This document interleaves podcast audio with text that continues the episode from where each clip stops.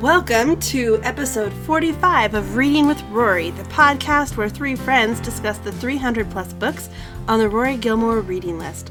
I'm today's host, Liz. I'm Erin. And I'm Sarah. We're discussing the iconic picture book classic, Clifford the Big Red Dog.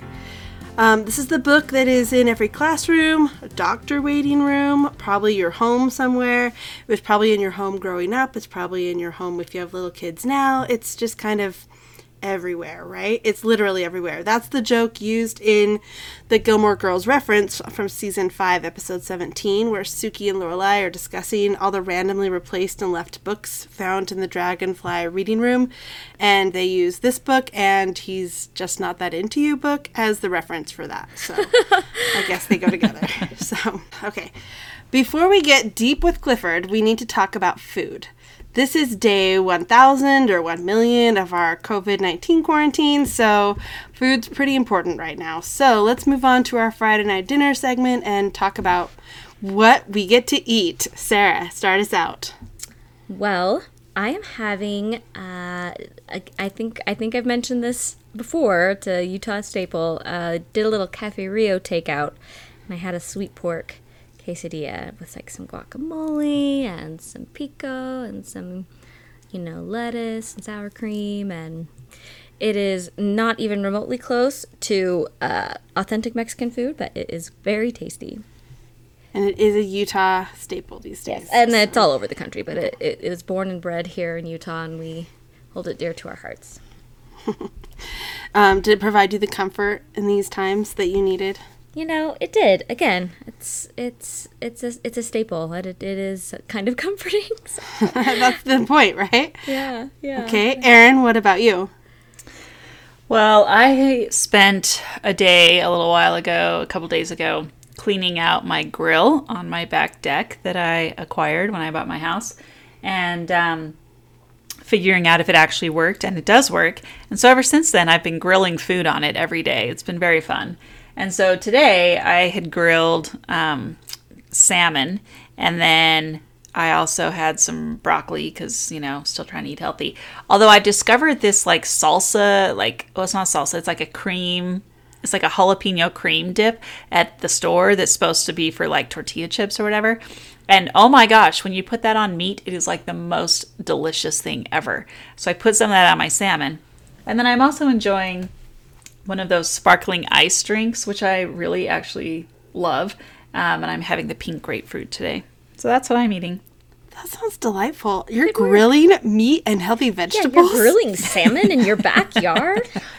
Guys, I've been doing so much yard work during this isolation period. My yard is going to look amazing, just like everybody else's. As long as Home Depot stays open through all this, I will be fine. I think Home Depots are pretty busy. Like they are. Every time uh-huh. I go to uh-huh. Home Depot, like the entire city is there because everyone's working on their home improvement projects right now. That doesn't sound super safe, but cool, cool, cool. Eh, it's fine. It's fine. Well, working on home projects is a good time, right? Like, oh yeah, it's a great so, thing to do. I just hadn't yeah. thought about that. If uh-huh. there's like no other stores you are open to go inside. That's essential. It's essential. it's an essential. Anyway, it is absolutely essential.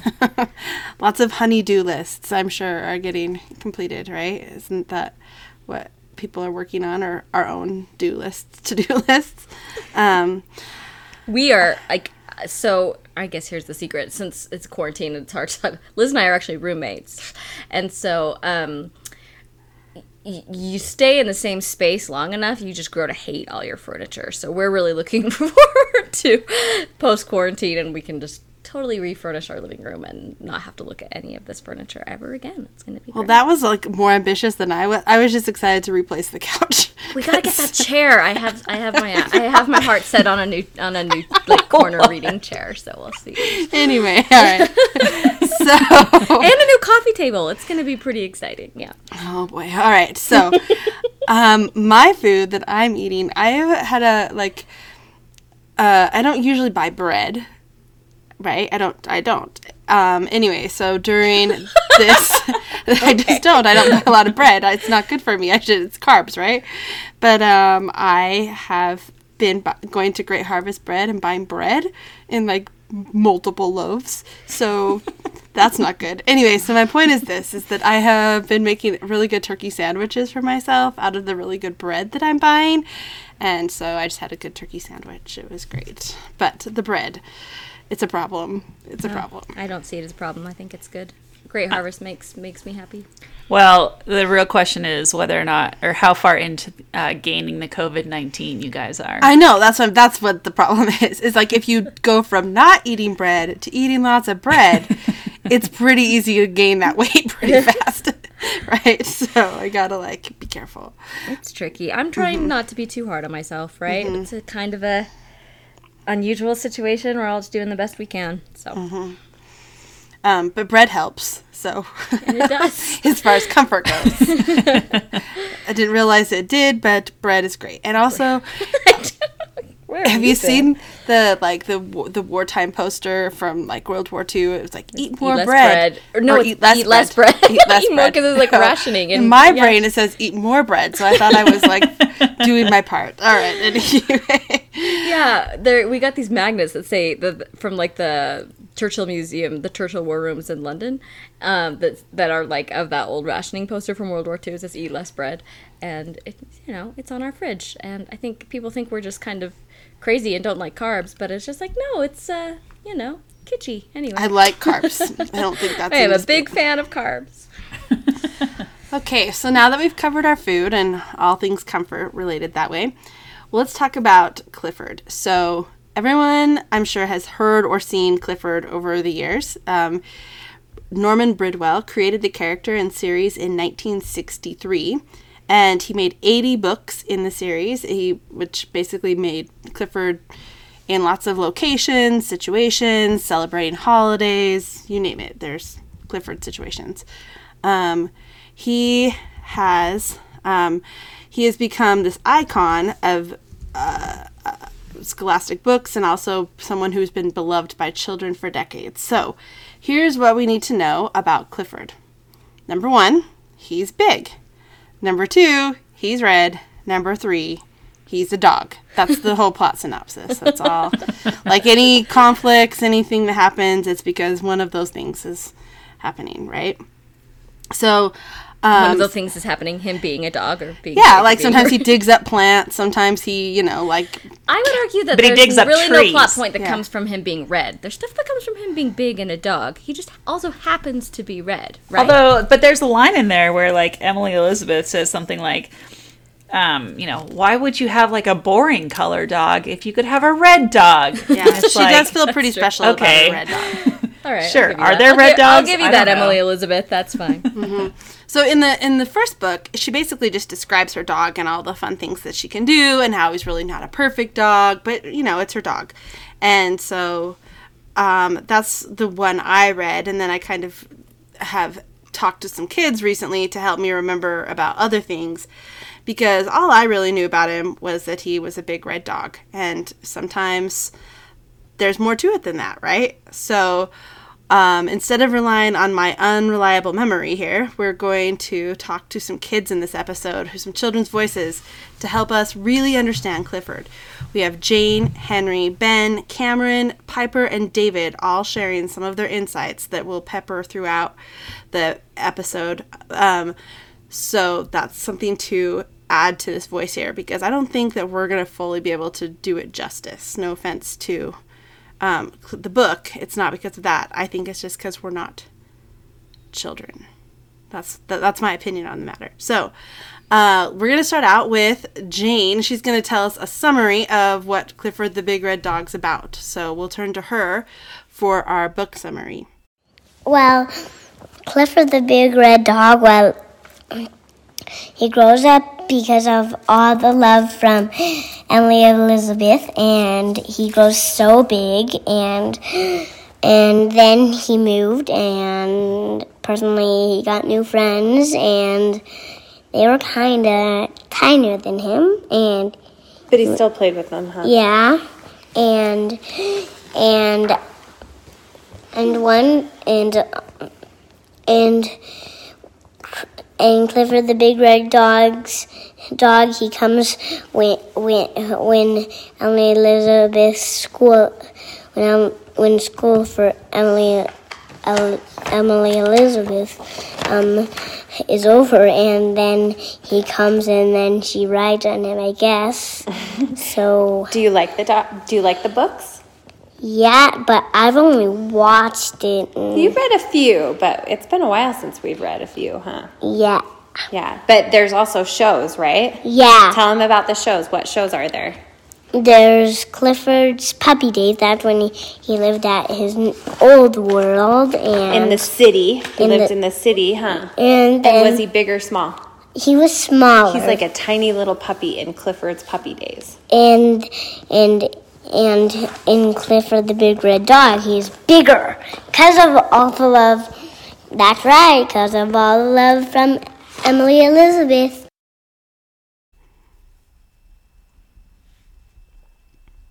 Thanks, Jane. That was perfect, right? So The cute. love. Yes. It's. I, I mean, I hadn't. That's technically not in the book. I hadn't thought about the fact that it was the love from Emily Elizabeth. It's the love. It's the love. um, it's weird because that wasn't in the book we read. So that was an added Oh, all right. Well, that makes more sense. yeah. um, and she's not the only one to bring that up for us. Cameron and Ben also uh, shared some key plot elements to the discussion. I think you'll hear some similar ideas here. Clifford actually used to be just a puppy, and he wasn't as big. What? Why do you think Clifford grew so large? Actually, I know why. Why? So his owner loved him so much that he grew so big. Oh, so Emily Elizabeth loved him so much that that's what made him grow so big? Uh huh. Oh. It says so in one of the episodes of the show, actually. Oh, it does. So thanks to Cameron and Ben, that really helped us out to understand more about the love from Emily Elizabeth, right? that's that's actually a sweet theme, don't you think? oh, I love that idea. It's if really the love cute. can make you grow, okay, okay, right? Um, that's a that's a that's a sweet that's a sweet idea. Um, clearly, both Jane, Cameron, Ben, but all those children loved the book, right? They had I they had some things to say. Um, not everybody has as, as much to say, and that's okay because I don't really either. So this is the one I relate to the most. Here we go. Piper has some insight here. So Piper, who's this? Clifford. Is he like one of your favorite books? Yeah. Why? I don't know. What mm-hmm. do you like about Clifford? What's cool about Clifford? He's listening. I don't know. See, he's listening. I didn't know. What do you like about him? I don't know. What do you like about him? I don't know. This is good. You're doing great. Mm-hmm. What makes him different? I don't know. Do you see other red dogs? I don't know. Is it does he have more legs than other dogs? No. What makes him different than other dogs? I don't know. Is he huge? Yeah. So why do you like him? I don't know. Why do you have all these Clifford books and this Clifford dog, stuffed animal? You just don't know anything.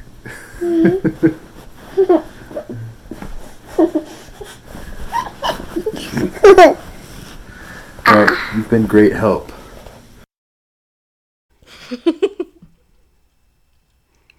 All right, Piper. It's okay that you don't know. I'm okay with that. I don't really know either, Piper. It's all right. She just doesn't know. And you know what? Sometimes it's hard to talk about a book. We know this. So now it's our turn to talk about what we think. Since and we'll let Sarah start. Sarah, what did you think of the book? What do you remember about the book? Where do you stand on the book? Let's hear it. You can say I don't know too. Uh, I don't know. Um, uh, no, really though, Piper, I'm feeling you because I actually don't have a lot to say about it other than it's sweet. I love the bright colors. I love the sweet ideas of this dog. That Emily Elizabeth is just, you know, he's her friend, he's her protector, he is her her pal, and he digs up trees and he chases after cops and drags him along, brings him back to her, which that made me laugh. Um, chases away bullies. I mean, who doesn't want a friend like that? So. Uh, I have zero memories of this book other than it just being in the world around me, right? Like, it was never one that I super connected with as a little kid. Uh, but, you know, there's Clifford and he's a dog and he's big. And I think the idea of like a, a big friendly dog that's like your friend and protector is, is a sweet one. So, thumbs up. Two thumbs up for that. Two thumbs up. Ooh, I like a new rating Yeah, system. new scale. New scale, you guys. okay. Erin, where do you stand? Well, kind of in the same place. I mean, I do remember these books um, when I was little. The TV show, I think, came a little bit after me, although, because I don't really remember the TV show. But I do remember I have the no books. recollection of there being a TV show. I mean, clearly the kids remember the TV show because that's what they know the most, right. Right. They act like they know the book, but they knew the TV show. But go yeah. on. so I like I do I do remember the books. I although before rereading and like you Liz, I I just read the original, you know, Clifford the Big Red Dog and um I was reading it and I was like, yeah, I really don't remember anything about this story other than the fact that Clifford is a big red dog. And um but I do think it's sweet. I think that, um, and and I think that you know, while Sarah was talking there a minute ago, I was thinking this is just exactly the kind of story that a little kid would love, right? Like the idea when your imagination is so big and colorful, and you have you know the idea of imaginary friends and these like all this you know, this wide, wonderful world out there that you're kind of mentally exploring. And so the idea of having a very large red dog as a as a buddy um, just seems like right in line with something that a kid would eat up. so I can see the appeal of it as a kid. Now I read it and I'm like, yeah, it's sure, Okay, sure. it's sweet. I mean, I do think it's for like really, really, really early Yeah. readers, right? Like, and I think especially like the the colors. That's maybe where the red comes in. Like the book, it like the illustrations are like practically all like primary colors. It feels like it's just really bright, really simple, really clean lines, and I think that that just kind of really uh, stands out to uh, just kind of some bold images. For I, my mom always used to talk about with our oldest brother that she had this big red fish that hung in his crib. And our, mo- our mom fancies herself um, a doctor of all sorts and able to understand. And I always think that's why Matt is so smart because I hung that big red fish in his crib. I've never heard this story ever. well, aren't you lucky? I mean, I've heard not. it many times. Never heard of this fish. and she had a big red fish that she hung in his crib and and she always insisted that Matt was so smart because of the big red fish in his crib. And I always kind of glommed onto that idea, right? Like bright colors as a small small child, like do they stimulate different activity in the brain? I don't know. But so I thought that the colors were interesting. Yeah, but I do think it's interesting, and I g- agree that's point. That's true. But when you listen to, um, you know, the different kids we've had talking, they're not talking about how he's red, right? Like that isn't what stands out to them. I'm sure it's important, but that isn't like their first thing they say about him. It's the it's his size, right? Yeah. It's that he's big. Um, so yeah, but like let's do like 10 minutes on if he's big, 10 minutes on if he's red. I know. Can't wait Well, till we get to the part about him being a dog. that is kind of the focus. what else are we supposed to do? Um, one thing that's interesting, that I think is kind of funny, is that um, so when the author he actually wanted to originally name it Tiny and not Clifford. Um, the dog and his wife had an imaginary friend named Clifford, so she, she encouraged him to name the dog Clifford. So there's where we get the name Clifford. So I don't know why I find that interesting, but I mean, tiny. It's funny. kind of but, it's know. kind of I mean, it's it's Tiny the big red dog doesn't really right? have I the had same. some friends growing up that had a dog named Kitty. I like ironic dog names. They're fun. I know. yeah. But here's the thing: we don't know a lot of Cliffords. So anytime you hear the word Clifford, do you automatically think of this dog? I don't know if I automatically Um, do. No. Yeah, that's an interesting question. He's maybe in like my top five of Cliffords, but I don't know. what other Cliffords are there out there? I mean, I think of like Cliff Huxtable. Sadly, that hasn't aged well. Um, I do not think of him. Yeah, that's not. Nope. Um, that was what my, that's where my brain just went. Um, I think of Cliff. Isn't there a Cliff on Cheers? Cliff was like a big in like '80s sitcoms, I think. So maybe I'm. All right, so you think of other cliffs, but when I hear the word Clifford, I think of this dog, right? This dog. This. Well, so- it's it's catchy, right? It's a catchy title, Clifford the Uh-huh. Big Red Dog. Like there's there's a catchy quality to that. Yeah. So what I like about this book is that like memorable quality of this dog that whenever I see it, I think of um, these books from when I was a little kid, or I think of books for little kids since it's the mascot for Scholastic, and Scholastic is like daily coming to my email box, and sometimes Yeah. I'll be sitting in my classroom and the book fair mobile drives up past my window, Oh, and like Scholastic Book Fairs. Love those. A Sweetest life's- childhood like a- memories. Yeah. a truck size image of Clifford goes by my window. So it's like having a big red dog go by my window once a year. and that's cool. So that's what I kind of associate. I love that Clifford. The TV show Clifford, where he talks and is a dog, not my thing. I think we've established talking animals, and I think we've established dogs are not quite my favorite, but I will.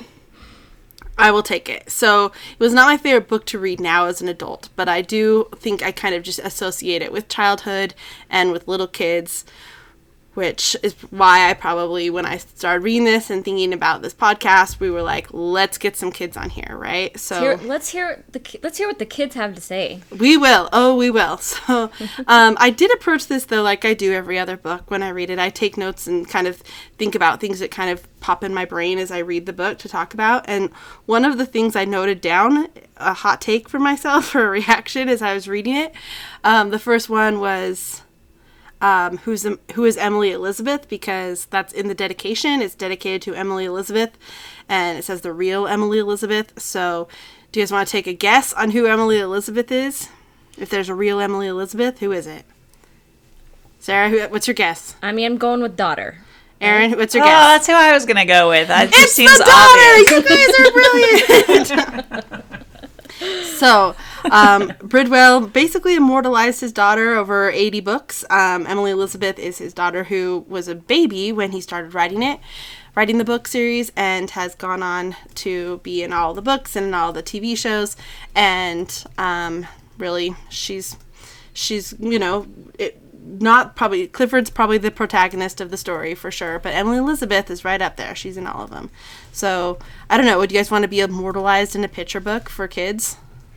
No, I think. So. Oh, come on! How is I don't know. not, I've like, just been spoiled by like Gone Girl, right? I mean, we'll get to that eventually, but I think about how that messed her up so much, and I'm like, ooh, I don't know that I would want to be this like, s- like have my identity projected out into the world for them to consume, and that I couldn't like just be myself, even if it's something cute and silly and simple like this. I mean, this is probably harmless, right? But I don't mm-hmm. know that I would love that in general. Like, Just think if you were like grown up now, you're like, you know, 35 and you're like, "Oh, yeah, my name's Emily, Emily Elizabeth Bridwell. Yep, yep, that Emily Elizabeth." Or like like you kind of have to like explain or go back to like, "Yeah, you've read Clifford. Yeah, that's me." Pe- like everyone would know about you. It just But would they of- really though? Because like, I mean, I before this discussion, I had no idea that this was at all based on a real person. Oh, yeah, that's true. So You know, like, maybe so- it's not she's not as iconic as the dog. Like, right? it's fictional enough that I think you could just write it off. Like, unless you, Yeah, you I was gonna say in this case, like again, she's kind of like just essentially like a little drawn girl with a smiley face who happens to be named Emily Elizabeth. It's not like she has, and maybe with the other books and the TV show, she has more personality traits, and that would be different. But I feel like in, um, she's just a, you know cute little girl in the book. Well, before we really analyze her character, I, I'm not the only person who Tate has notes about about Clifford. Um, Cameron had some notes, some things he wanted us to talk about in our podcast, and so before we get too deep into these characters, let's hear what Cameron wants us to really dive into. First, here's something I want you to do in your podcast. Do the top three members, or two, if you want, of the Clifford the Big Red Dog family tree, okay? And since so that means like I I remember to add Clifford at the start, okay? Now. All right, so we have to explore the family tree. Okay, we have to like. Um, thanks, Cameron. That is a good question for us to talk about. Which of the two characters, because he said two or three, which of these two characters do we want to talk about? So there's two choices. And so here's your chance. Ladies, who is your favorite? Clifford or Emily Elizabeth? I mean, how do you even answer that? I mean, it's Um, true. I, I mean, you got to say Clifford, right? But then, where would Clifford be without Emily Elizabeth? It's a chicken and egg situation. Classic. Classic, because especially because Clifford would not be so big without the Without love the love. Yeah, of Emily Elizabeth. exactly. but then if Clifford didn't exist, maybe she'd have a very large garden, or maybe she would have Yeah. a very large stuffed teddy bear, or maybe she would have, I don't know. She'd be chased around by bullies. It'd be bad. Um, I don't think you, it's a question of who exists and who doesn't exist. I think it's who is our favorite. And my favorite is Emily Elizabeth for two reasons. Number one, she's not a dog. And number two, she has the name Elizabeth in her name. So I think those are pretty valid reasons, right? and she loves her dog. So, well, that's a good example to me. I don't really relate to Clifford in any way, shape, or form. So I have a hard time that's with him not the being my favorite. No I mean, one the, relates the to point Clifford. is that he exists. well, no, th- Liz, no one relates to Clifford. I, I mean, I don't sit there and think, "Wow, that's a character who really gets me." Like, No, but No, like that- no, that's a good point. Not All right, the point. So that's fair. So that's fair too. I mean, as, as good a question this is, Cameron, it's kind of a hard one to really dive too deep into. so We're going back to Piper searing analysis of uh, I don't know. I don't know. well, speaking of other searing analysis, we do have another question, and we've kind of hit on it a little bit, right? Um, I think it's been touched on by, I don't know, every kid who's talked about the book, but I didn't know this because I only read that first book where it didn't talk about it. Um, why is Clifford so big? That was a question I legitimately wrote down, right? It's not shown in the first book. So, our childhood experts here, um, I paneled them and I really got deep with all these kids to talk about it, and they had some thoughts. So, I appreciate their willingness to educate us on why share, Clifford is to so share their big. Clifford thoughts. Yeah, and to share these deep thoughts because it's all obviously more than I knew about it. So appreciated. Here it goes. What is Clifford about? Um, it's about like Clifford. He was the littlest dog in the in like In the litter. in the litter, yeah, and and and Emily Elizabeth picked her, picked him, and and and and and and um and and he went everywhere with her, and and then and then because of all the love from her, um, he grew so big, and and then she even rode him then and he and they moved to another city and he was in a giant doghouse oh Wow, um, it's really good. Cameron, what else happens in Clifford? Jane did a really good job telling us that. Did she miss anything? um, um yes she did miss something even in fact they didn't just move to a new city but they even moved to an, a different island David, what do you remember about Clifford the big red dog?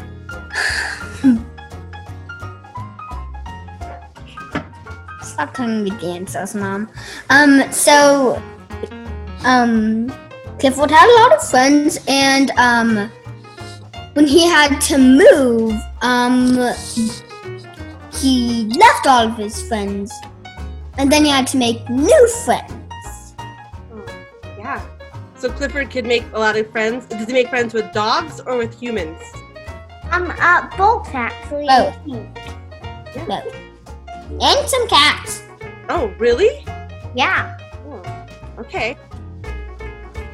Their names are Flo and Zoe. Flo and Zoe, got it. Here's my other question. How big is Clifford? He is like a hundred, um, like a hundred, a hundred thousand million billion feet tall. Whoa, that's big. That's not a number. That is not a number. It's little. How big is he, David? Um, to be honest, I think he's more like 40 feet tall Okay, yeah. because he, Clifford is as big as a house, and the average house is about 40 feet tall. Wow, that's big. Is he bigger than the house? Cameron? I don't think so. You don't think he's bigger than the house? Cameron, do you think he's bigger than the house? Um, he is. He is. You guys want to know something fun about Clifford? He's different sizes in different books. Mm-hmm, I know that. You did know that? Oh, Yeah. That. That's crazy. Because he's he's little, and in in in Clifford the Big Red Dog, he's bigger. Yeah, he grows bigger because of Emily Elizabeth, right? All the love from her. All the love. Cameron, what do you have to add? Oh, I'm get, I have to add that um I think I know I think that now now now, now once Emily Elizabeth actually started loving Clifford or, or before he he grew bigger he actually turned red and I think that's actually why Clifford is red. Because of the love? Yeah. Good theory. Ben, do you have something to say? He, uh, he's uh, uh, a little bit like like 100 feet tall. I think it's actually Googolplex feet tall. Oh, no, Google No, Class. he's big and he's red. We've established that. So here's my question. If you guys had a dog as big as Clifford as a pet, what would you do with Clifford?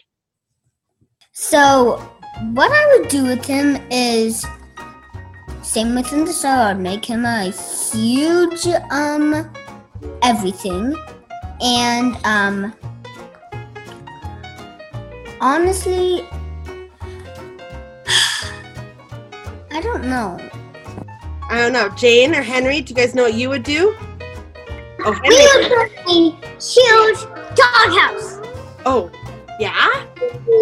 Okay, Henry, you have something you want to say? We would keep him away from the backyard because we're still working on it. Oh, that's right, because you have a new backyard. Uh huh, and he's about too big for our new backyard because, and if we, and because he would be big enough for my dad's parents' backyard, but not ours. Oh, that's big. But doesn't Clifford like dig up trees? What if Clifford dug up your trees in your backyard? That'd be bad. I know. Okay, good. I like it. David, did you think of something else? Um. Yes. Oh. Um. Normally, I wouldn't want to keep him because um. What if he digs up my basketball court? Oh, yeah. That would be bad. What if he digs up my garden? Ugh, maybe because sometimes he's not perfect. Remember, she tells us that a lot. He's not the perfect dog. Sometimes he does like things that are bad. He has bad habits. Makes sense. Makes sense. Yeah, yeah. Cameron, did you think of something you would do if you had a big dog like Clifford? Um, actually, I instead of a dog, I would have we and if I had a dog, I would give it to Ben, and then, we'd split the yard in half. One half be my half, which is is the half where I can ride my bike, and the other half would belong to Ben, and then I'd and then I'd I'd buy a huge cat, and it would be on on the side of the yard. I would That's a good. That's a really good plan. You guys have some really good ideas about Big Red. I, I'd rather have the whole yard, the dog case, and no cat. Okay, no. How many of you have seen? I mean, who likes the show? Who likes the TV show better than the book? Anyone like the TV show better than the book? Cameron likes it better. David likes it better. Jane likes the Puppy Days version. I know that. Oh yeah. Um, I like the TV show battle because um, stop it, Brian. um,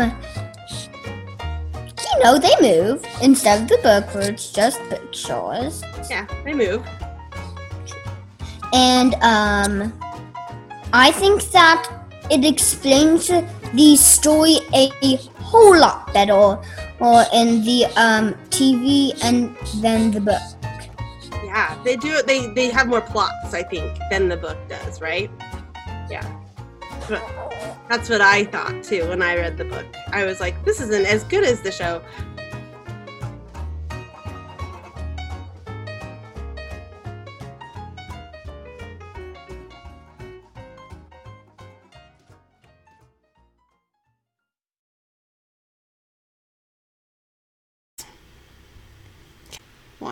Well, I think that cleared some things up for me.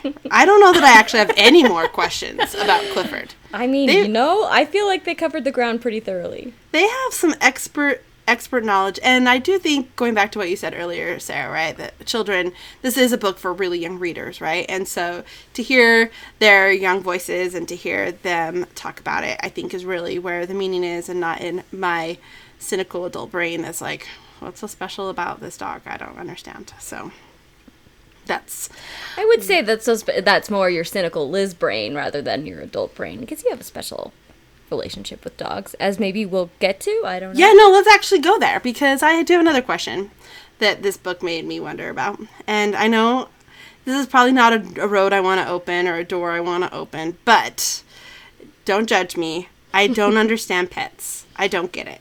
What's the appeal? I just do not understand. Dogs, especially, I've never really been one to want or care about dogs that much. So I'm sincerely curious since I have noted uh, this aversion in my to animals in my pod the podcast before. I'm sincerely curious. What is the appeal of dogs or pets? What do you think? You guys have to help me out here because I don't know. Well, first of all, I need to ask: Are you talking about any pet at all, like goldfish? yeah, So no living creatures that are non-human. Pretty much. My pet. I always joke that my pet's a Roomba. It's a bad that's joke. hilarious. That's a good joke. Well, here's the thing we should understand about Liz. She is not liked animals. She's not been um, uh, super down with the animal kingdom since she was a very, very small child, and like it doesn't come out of like she. She's just maybe like some childhood fears that we never like fully addressed, right? That's mom had to turn your stroller around at the zoo because it's too scary. So sure, there's childhood fears involved, but that's not. I mean, we're not going to solve those. I think I've kind of. No, of. but I do think that that's part of what like you're unique in that way. I think most people are like, oh, animals, right? I get it because Yeah. I think you see an animal and it's like. And I should say, I do love animals. I like want them to be safe and happy in their own places and not in my place. like their own. Yes, okay, like well, they live in you. the world and they have their own world and they should be happy in the in world and I don't need to have them be part of my world. So that's And how I think that's view perfectly valid. I think we do mm-hmm. live in an age right now where it's like people go pretty intense about their pets, and it could make someone who doesn't really care to have pets feel like they might be like something's wrong with them. And I don't think anything's wrong. I think it's just Okay, so nothing's wrong with me. Phew. what we have now established that. That's Thank great. you, thank you so much. But like, what is the appeal? I, uh, I just want to understand it better. So I didn't see it in the book. I don't understand why you'd want to have a big red dog. That seems wildly inconvenient. Even the kids talked about it being inconvenient. So what's the appeal of having a pet? Well, it's all about compa- it's all about companionship, right? Like animals have personality, and you find one. You know, you you you grow with the animal just as you would with another human, and you know it's something to take care of. And um, even though sure that can be a little bit of a nuisance sometimes, you do also gain a real affection for the things that you care for, right? And so whether it's plants, like I have a whole bunch of house plants, or whether it's something like a dog. And so, you know, you like the companionship, you know, they become your buddy, right? Like you go on hikes with your dog, you go on Yeah. walks, they follow you around. There's, you know, they keep you company and They um, can't talk to you. Well, but I think that they can love you, right? Yeah, they can Especially abso- with dogs. With dogs, Okay, it's okay, like okay. unconditional love. You know, and they don't they don't have to talk to you to communicate with you. definitely you know. not. But like to the point where you like share a bed with one. Yes. Hmm. Hmm.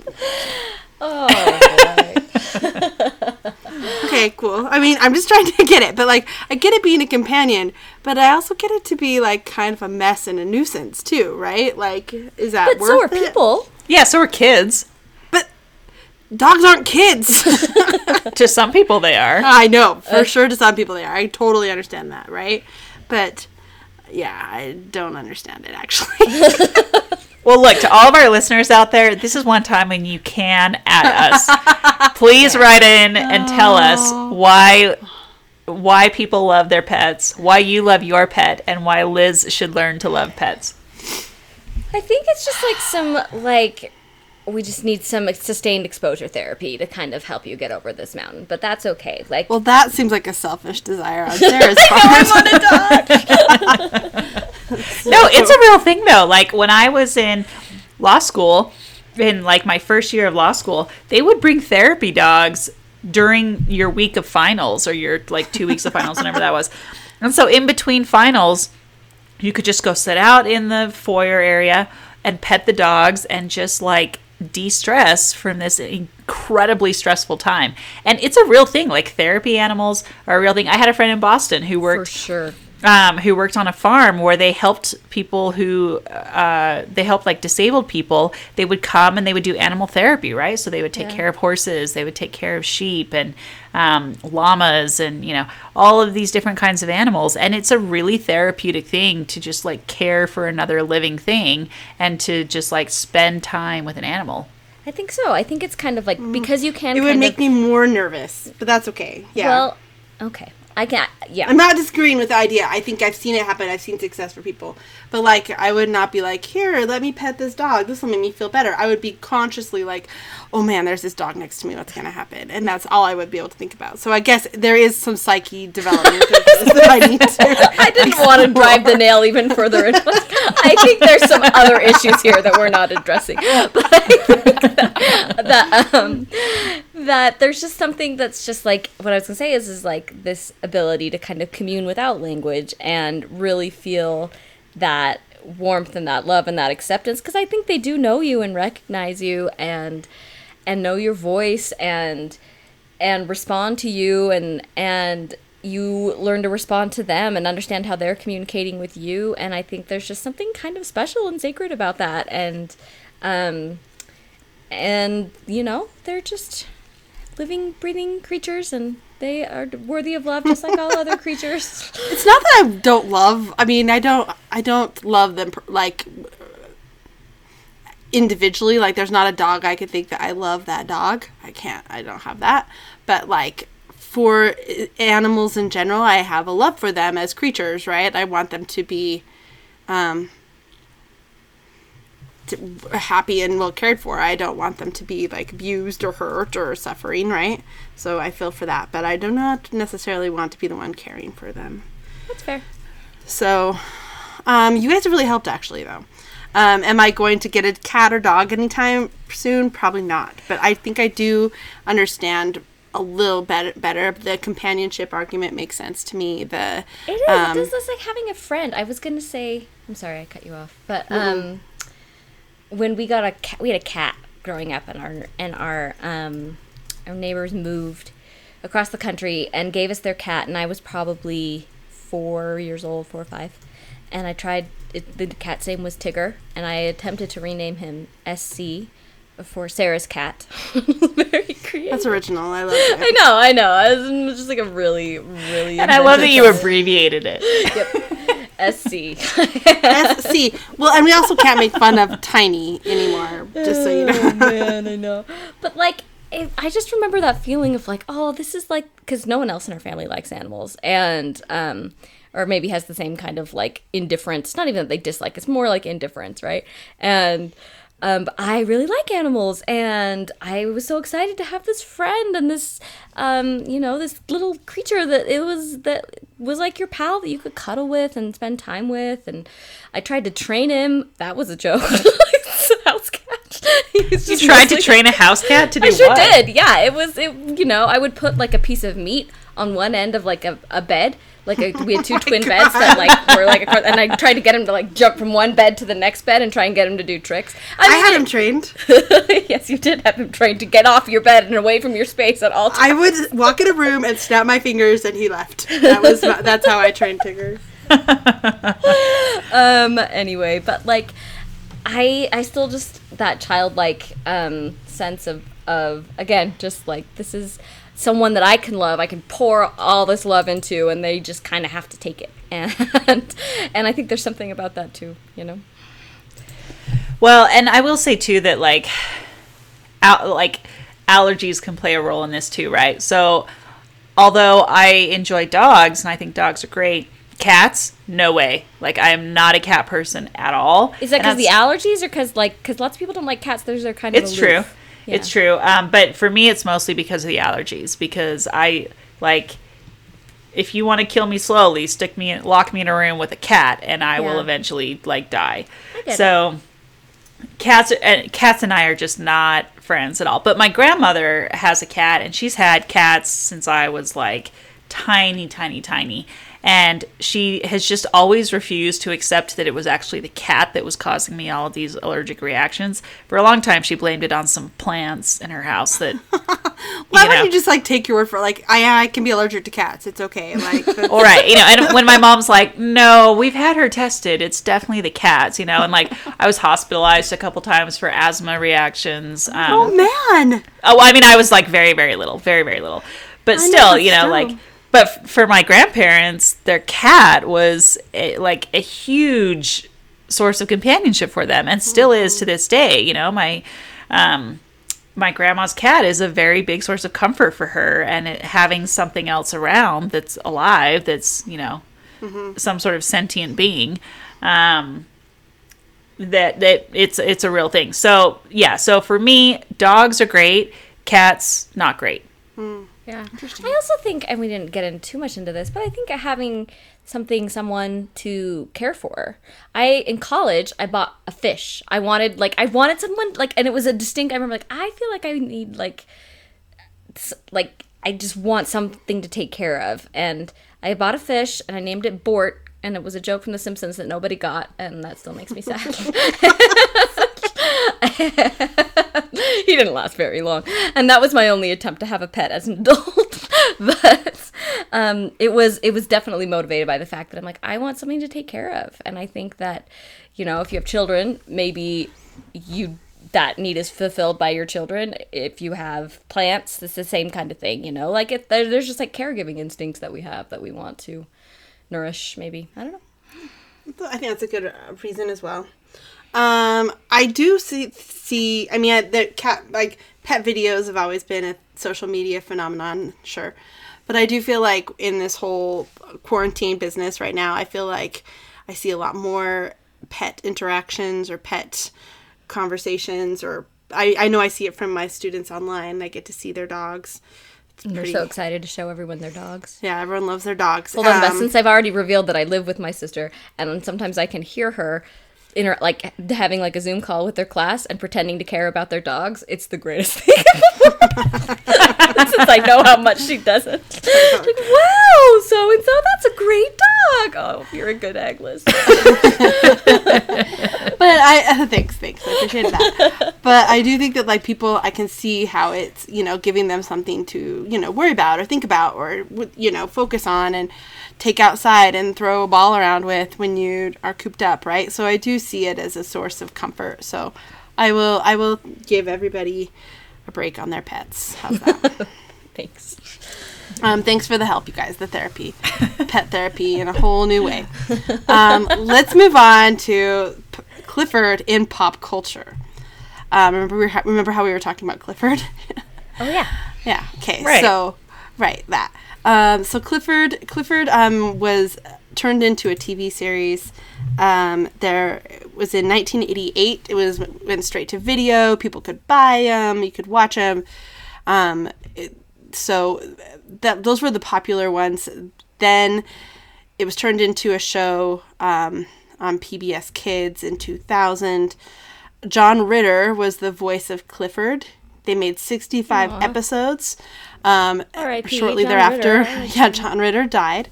Um, and they started making Clifford's Puppy Days, which was about Clifford before he was big. So this is Clifford just being a puppy, and the he lived in origin the story city. of Clifford. Yeah, no. So when I talked to little kids, they all were like, so the introductory, they didn't know the word origin, right? Because they don't. But they were like, when he was little, before, like how they introduce him. They kept talking about that. Um, so Clifford's puppy days is when he lives in the city and he's little, and probably less of the plot focuses on, you know, that he's big.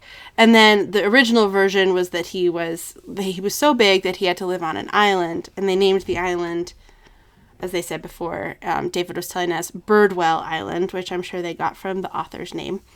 Um, sure, sure, sure. So um, I do want to play this clip um, from from Cameron and Ben talking about the show because it's it's good here. So they'll tell us a little bit about what their opinion is on the show. Um, I've read some of the books of Clifford the Big Red Dog. Actually, they were actually kind of good. Okay. What about you, Ben? Have you read Clifford the Big Red Dog? No, but but mm, I have seen it on on videos of PBS Kids, and I also saw an ad of it. You saw it. Yep, clearly Ben even knows that there's an ad from Clifford. you can tell he doesn't get to watch the show very much because he's excited about the ad. Oh. I love how they all know where to go. Like, go to Scholastic or go to PBS or go to um, Amazon Prime. Like, they just know how to talk about TV in a, such a more mature way. Um, there's a live action movie that is supposed to be released in 2020.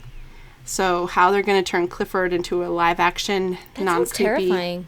I know. It sounds it sounds like you know Disney's attempt to redo The Lion King as a live action movie. Nobody asked for. But at least the Lion King is like showing animals as their regular size, like looking cool. But what kind of special effect weirdness are they going to have to do to show Emily Elizabeth, who's going to be played by Darby Camp from Big Little Lies, apparently, riding on a fake dog? I'm just curious. Magic, magic of movies, Liz. I suppose. I suppose. um, David Alan Grier is going to be the voice of Clifford, so unfortunately, Clifford will talk. So that's another failing in the It movie. is But unfortunate. yeah. there wouldn't be a lot to happen, I would think, if, if Clifford didn't talk. I guess she's like Emily Elizabeth is like, I love you, Clifford, and he keeps getting bigger. And then she's like, No, I really, really love you, and he just keeps getting bigger, and then the movie ends. That'd be pretty like good. riveting cinema for sure. I, I'd not watch that. Um, okay. Besides all the TV and movies, um, Scholastic has done a pretty good job with merchandising. They have video games, websites, educational t- things, ties that help kids I read, mean, play memory games. some solid Clifford stuffed animals out there too. Uh-huh. There's stuffed animals. There's just a lot. You can get a lot of Clifford stuff out there. So I would call that pop culture tie-in as well. Um, before we leave pop culture, though, let's be. There were some other misses that we've had in episodes in the past. So I think now's the time to talk about those. So So you know we forget some of them. So Erin, what what were some pop culture Ooh, yeah, what you got? add-ons? you Yeah, so I have a couple. again? Now these are my own personal experiences, so it's not necessarily pop culture misses. Oh well, one one well, I have a miss. We two of them. about, two yeah. of them. Two of them are misses. One of them is just my own personal experience. So on the misses, um, so going back to our discussion on Charlotte's Web when we were talking about. Oh, I'm sorry. That's not. That's not one of the misses. Um, the two misses are on Cinderella. That's where it is. So the first one is um, I was watching the Netflix movie um, "To All the Boys I've Loved Before." P.S. I Still Love You. So it's the sequel. And um, there's a scene in the movie when she walks down this grand staircase in this like lovely blue dress, and there's a guy waiting at the bottom of the stairs. And I turned to my roommate and I was like, "We're obsessed with the Cinderella story. What is this?" and we kind of had this like story back and forth with it. And but it then you, you know, and again, this is coming off of our discussion in Cinderella. I was like, that's not even what the story's about. But we turned it into this like epic love story, and like the guy's waiting at the bottom of the staircase for her to come down in this like beautiful dress. It's just like such an iconic thing. Anyway, so there was that. I think the top of the stairs moment is maybe in that was like initially put in our brains from Cinderella, but I feel like that's like got to be in like the top five fantasies of like every human woman on the planet. You know what I Oh, mean? absolutely. Abs- I You mean, know I in think, Marvelous Mrs. Maisel how they have a staircase just to walk up Yes. just to people to walk down. and there's no other purpose for it except just to like walk down and be seen in your clothes. I love it. yes, but but the idea, I mean, it's just such a fascinating because I think you're right, Sarah. I think like it's got to be one of the top. I mean, I mean, I remember going to um, there was there was a house in uh, in Rhode Island in Newport.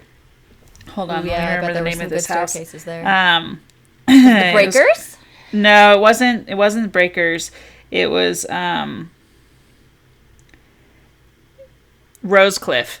So this was this is one of the non Vanderbilt homes um, in the area, but Rosecliff, like the way that that it was built, the entrance you walk into the entrance, and to the right there's this grand staircase, and to the left is a um, is a ballroom. So the whole house was built to be an entertaining house. It's kind of a fascinating story, actually. The the woman, the wife, um, she was the daughter of like a silver tycoon out in Nevada. Then she married um, a guy. They moved to the East Coast, and then kind of like so she was like a new money kind of person, trying to fit in with all of these like old money Vanderbilts. And um, so she and she would throw these uh, extravagant parties, just absolutely extravagant. They're like you know they would come dressed up as animals, and they would come dressed up you know, and she'd have actual like monkeys and different animals there, all these exotic animals.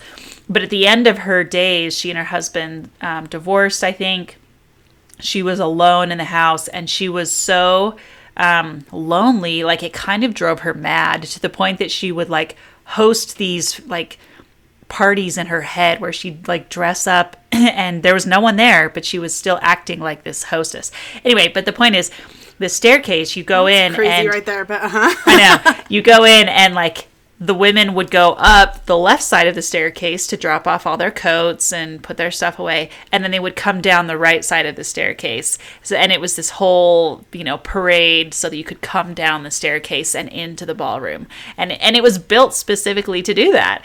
And um, anyway, it's just it's just fascinating this idea of the staircase and walking down the staircase in this you know in a, some beautiful gown. Okay, so that was one. The other one. I love that. I love that whole. Very specific. And I We should like talk it. about that for a long time more, but go on. I know. Um, so the other one also has to do with Cinderella, and it's called. Uh, it, this is a movie that I meant to bring up in the episode and forgot about, but it's called "If the Shoe Fits," and oh my gosh, this is just a gem of a bad movie. if you so, everyone must go see this. You can find it on Amazon. It's again, it's just an absolute gem. So it stars Rob Lowe as kind of he's he's a fashion icon. He's like a fashion designer. When? and How old is this movie? 1990. Oh yeah, this is great.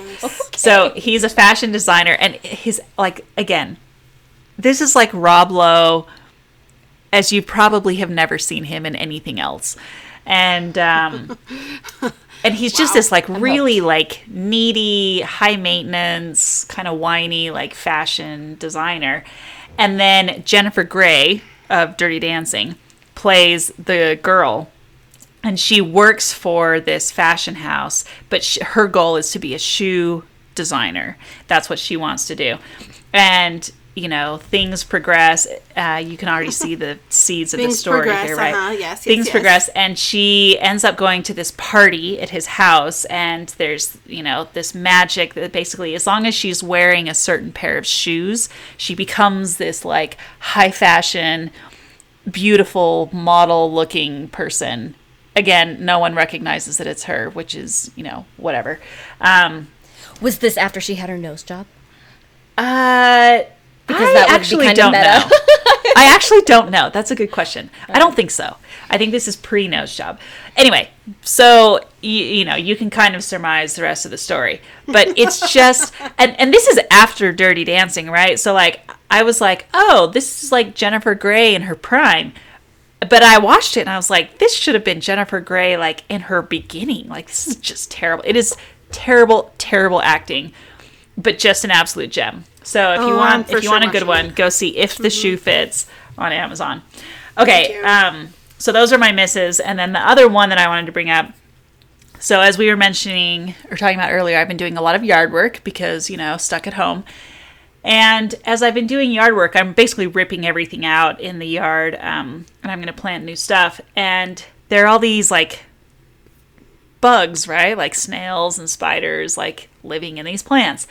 And so I've started tearing them up, and I have this like somewhat irrational fear of snails. I I just like Should I, we I just that? can't. Should we go a little deeper on that? No, I don't think we need to. I, they're just think oh, it's they're only so gross. fair, They're so hmm. gross. They're so gross. Anyway, so with these snails, I'm like, crap. I'm gonna have to. Let, how do I get rid of these? Because you know, there are a bunch of like. Like the snails haven't really come out yet, right? Like it's just getting warm enough that they're starting to come out. So there are a lot of like empty snail shell shells around, and so I'm like picking them up and like flinging them into the trash can. And there's some live ones, and I'm like, oh, I just like you know. But I have to kind of face my fears to get rid of them, otherwise they're just gonna like multiply, and I don't want that but as I, you know, and then there were like some spiders, some of them were larger than others. And as I'm watching all of them, I'm thinking, okay, E.B. White would be fascinated by this. He would love this little ecosystem. Try to be like E.B. White. And that worked for a little while, actually. And I was like trying to appreciate the ecosystem, even though I was destroying it. And then a moment happened where I looked down and one of those big spiders was crawling up my leg. And I was like, nope, game over. And I flinged it off and smashed every single spider after that. So you Killed all the spiders, even if you knew a Charlotte. Yeah, they're not allowed to touch us. That's true. yeah. So I just wanted to say, like, I tried E.B. White. Like, I'm trying to channel your appreciation. and then I'm picturing him being in his, like, room in New York with all these spiders that he's brought from his farm. And I'm like, oh my gosh, like, how on earth can you possibly. Anyway, that's all. I Um, like it. I do like it too. I think we, I think with the Cinderella, going back to Cinderella just a little bit, I think that was so impossible to cover every possible adaptation because even after people listened to it, I um, had people asking me, "What about Ella Enchanted?"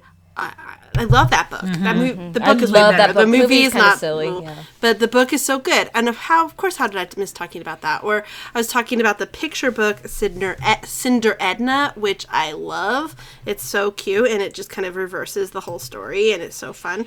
And then um, at least two people were like, "You didn't talk about um, the Rodgers and Hammerstein with um, Lesley Ann Warren." Did we not talked talk about it with Oh, no, we didn't. We talked about the Brandy one. Yeah. So apparently we really deeply offended some fans of Lesley Ann Warren, and I'm so so sorry.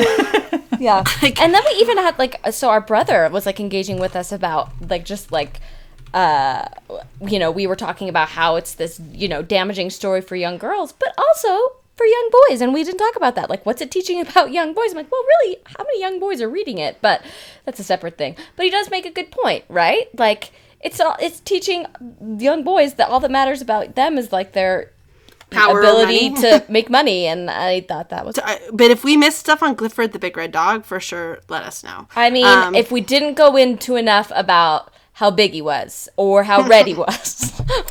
Well, the real thing with Clifford is that, and actually the fun thing with Clifford would be that if any of you see images of Clifford around, take a picture of it and send it to us because mm-hmm. the that's really where I think Clifford has his mark, right? Like there's not a Everywhere, lot of like pop culture references that directly reference Clifford the Big Red Dog, but you see the image of Clifford mm-hmm. all over the place. yeah, I mean, he, like I said, it's like that's the joke with Gilmore Girls, even right? It's that it's just everywhere, right? It's hard. I always think of him like his balloon at the Macy's Thanksgiving Day Parade. That's what I See, think. there you go. Or if you see a copy of the book in a doctor's office or, you know, in a hotel lobby or something like that, same thing, right? Yeah, so let us.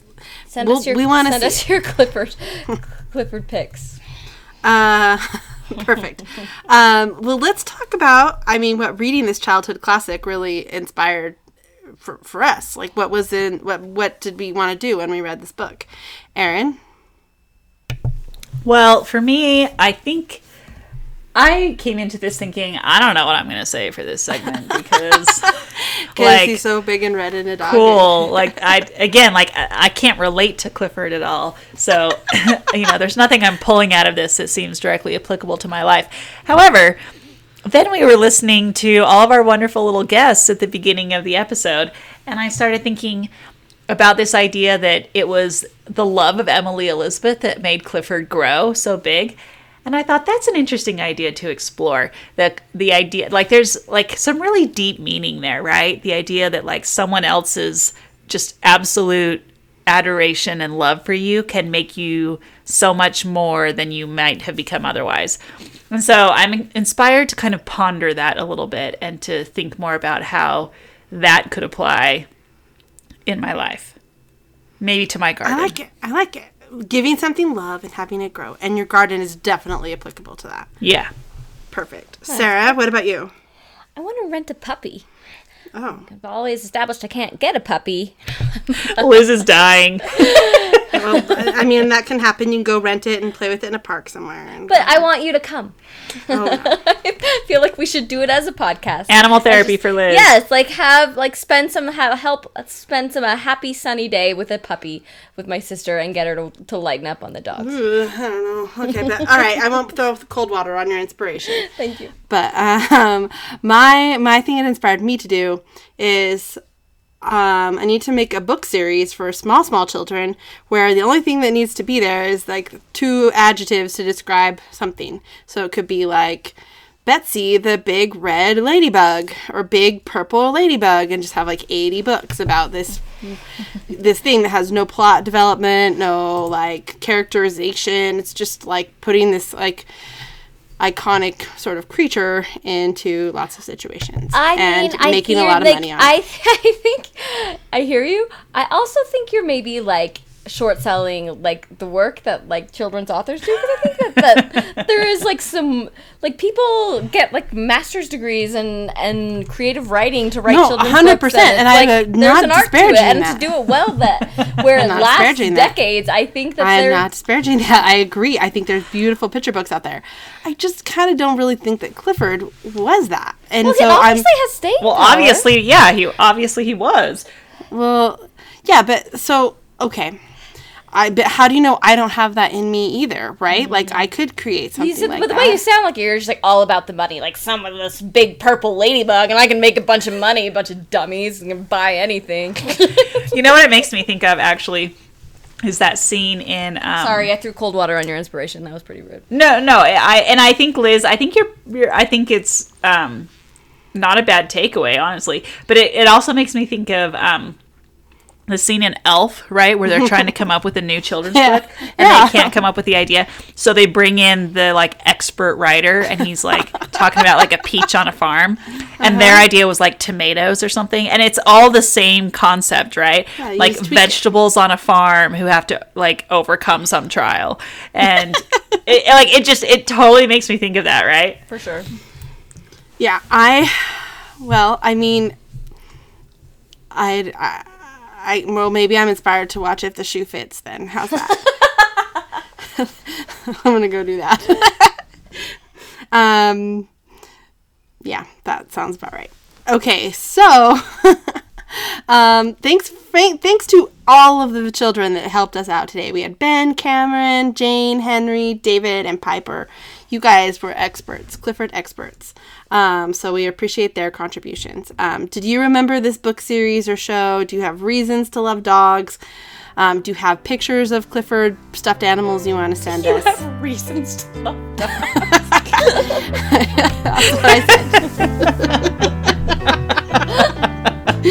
Come find us on Twitter, Instagram, Facebook at readingwithrory.com or join our conversation. Um, next time on Reading with Rory, we're going to be reading A Clockwork Orange. Thanks for listening and reading along with us.